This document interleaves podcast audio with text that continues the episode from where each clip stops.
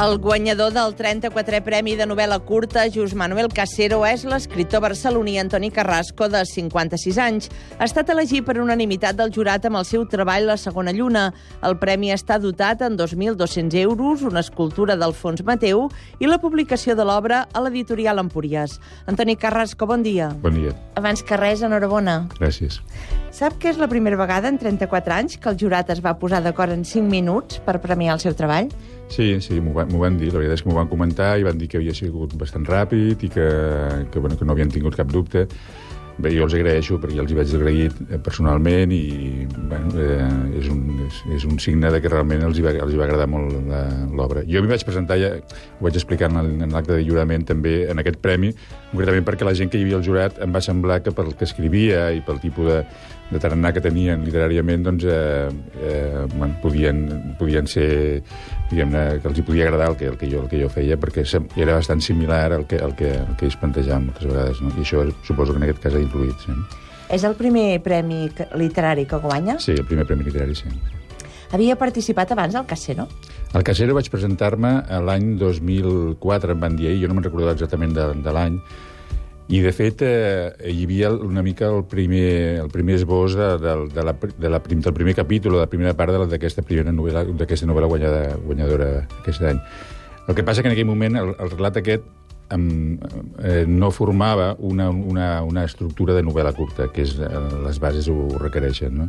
Era, una, era, una, era una narració juntament amb una altra, però que no formaven, eh, formaven, no, eren, no formaven el, una, una novel·la curta. Era, eren dues, dues narracions que no tenien un fil conductor entre totes dues. I el jurat no la va poder tenir en compte, per altres raons, i, i, i en aquell moment no, no, no, no es va poder tenir en compte. Sí. Però la va mencionar, eh? Va la va, sí, sí, sí, és veritat, perquè jo, jo sé, perquè en l'acte ho va posar, ho va fer públic dient doncs, que, que esmentava aquesta obra que s'havia presentat, però que no la podien tenir en consideració perquè per, per tema formal. No? Sí, sí. De què tracta l'obra guanyadora, La segona lluna? La segona lluna tracta, és, un, és una mena de tríptic, són tres narracions llargues que tenen entre elles un, un personatges lligats i, i ressons eh, entre totes, totes tres, mm, parla sobre el tema bàsicament de la malaltia, també de la mort, però bàsicament de la, de la malaltia, és a dir, com la, com la presència de la malaltia, d'una malaltia greu, en un moment donat a, a, a tots ens, ha, ens ha, hem tingut experiències, ja, sobretot quan tens, quan tens més, comences a tenir una edat, de, eh, i això com et canvia la relació amb la gent, no,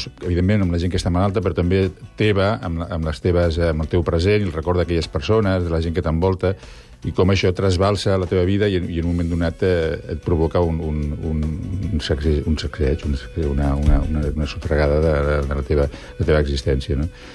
A veure, he intentat fer eh, i, i el jurat també em va semblar que, que ho havia entès sense tremendismes i sense, sense, sense buscar-hi trampes d'allò melodramàtiques, sinó buscar-ho, malgrat tot, ser una obra vitalista en aquest aspecte. No? Vull dir que, bueno, en aquest, és la meva intenció, vaja. El jurat ha destacat especialment l'estructura del llibre. Què té d'especial, sí. aquesta estructura? Bueno, l'estructura era per això, perquè tenien, són tres parts i cada, cadascuna de les tres eh, podria funcionar autònomament en un moment donat, però no s'entenen, o s'entenen millor, en tot cas, eh, en relació amb les, amb les altres dues. No? I llavors eh, no és una estructura de, de novel·la formalment convencional, de, de, una, de, de capítols que van, que, van, que van passant successivament, sinó que hi ha un flashback, hi ha un, hi ha un diguem-ne, els personatges en un moment donat t'has d'adonar que estan parlant dels mateixos personatges, però són cinc anys després o set anys després, i en canvi en l'altre moment és anterior. I llavors tot, tot, tot plegat, quan acabes de llegir-ho, explica els tres moments que són els tres moments fonamentals que jo explico en l'obra. No?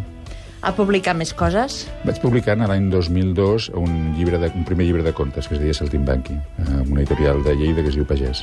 Vostè treballa al Departament d'Ensenyament. La vocació d'escriptor és d'ara o li ve de lluny? No, la vocació d'escriptor, com la majoria de la gent que escrivim, ens ve de, de petits, com qui diu, no? De, de, de sempre, doncs, eh, ets un gran lector i, al final acaba sent un escriptor, un, un escriptor de, vocacional, i això sempre, escriure sempre, sempre he escrit des d'adolescent, de, com qui diu, no? I que passa que bueno, m'he dedicat després a, a una feina que no, que no és específicament literària, però les estones que tinc lliures, que són, a vegades, depèn de les èpoques, han sigut més o menys, doncs eh, sempre les he dedicat a escriure, sí.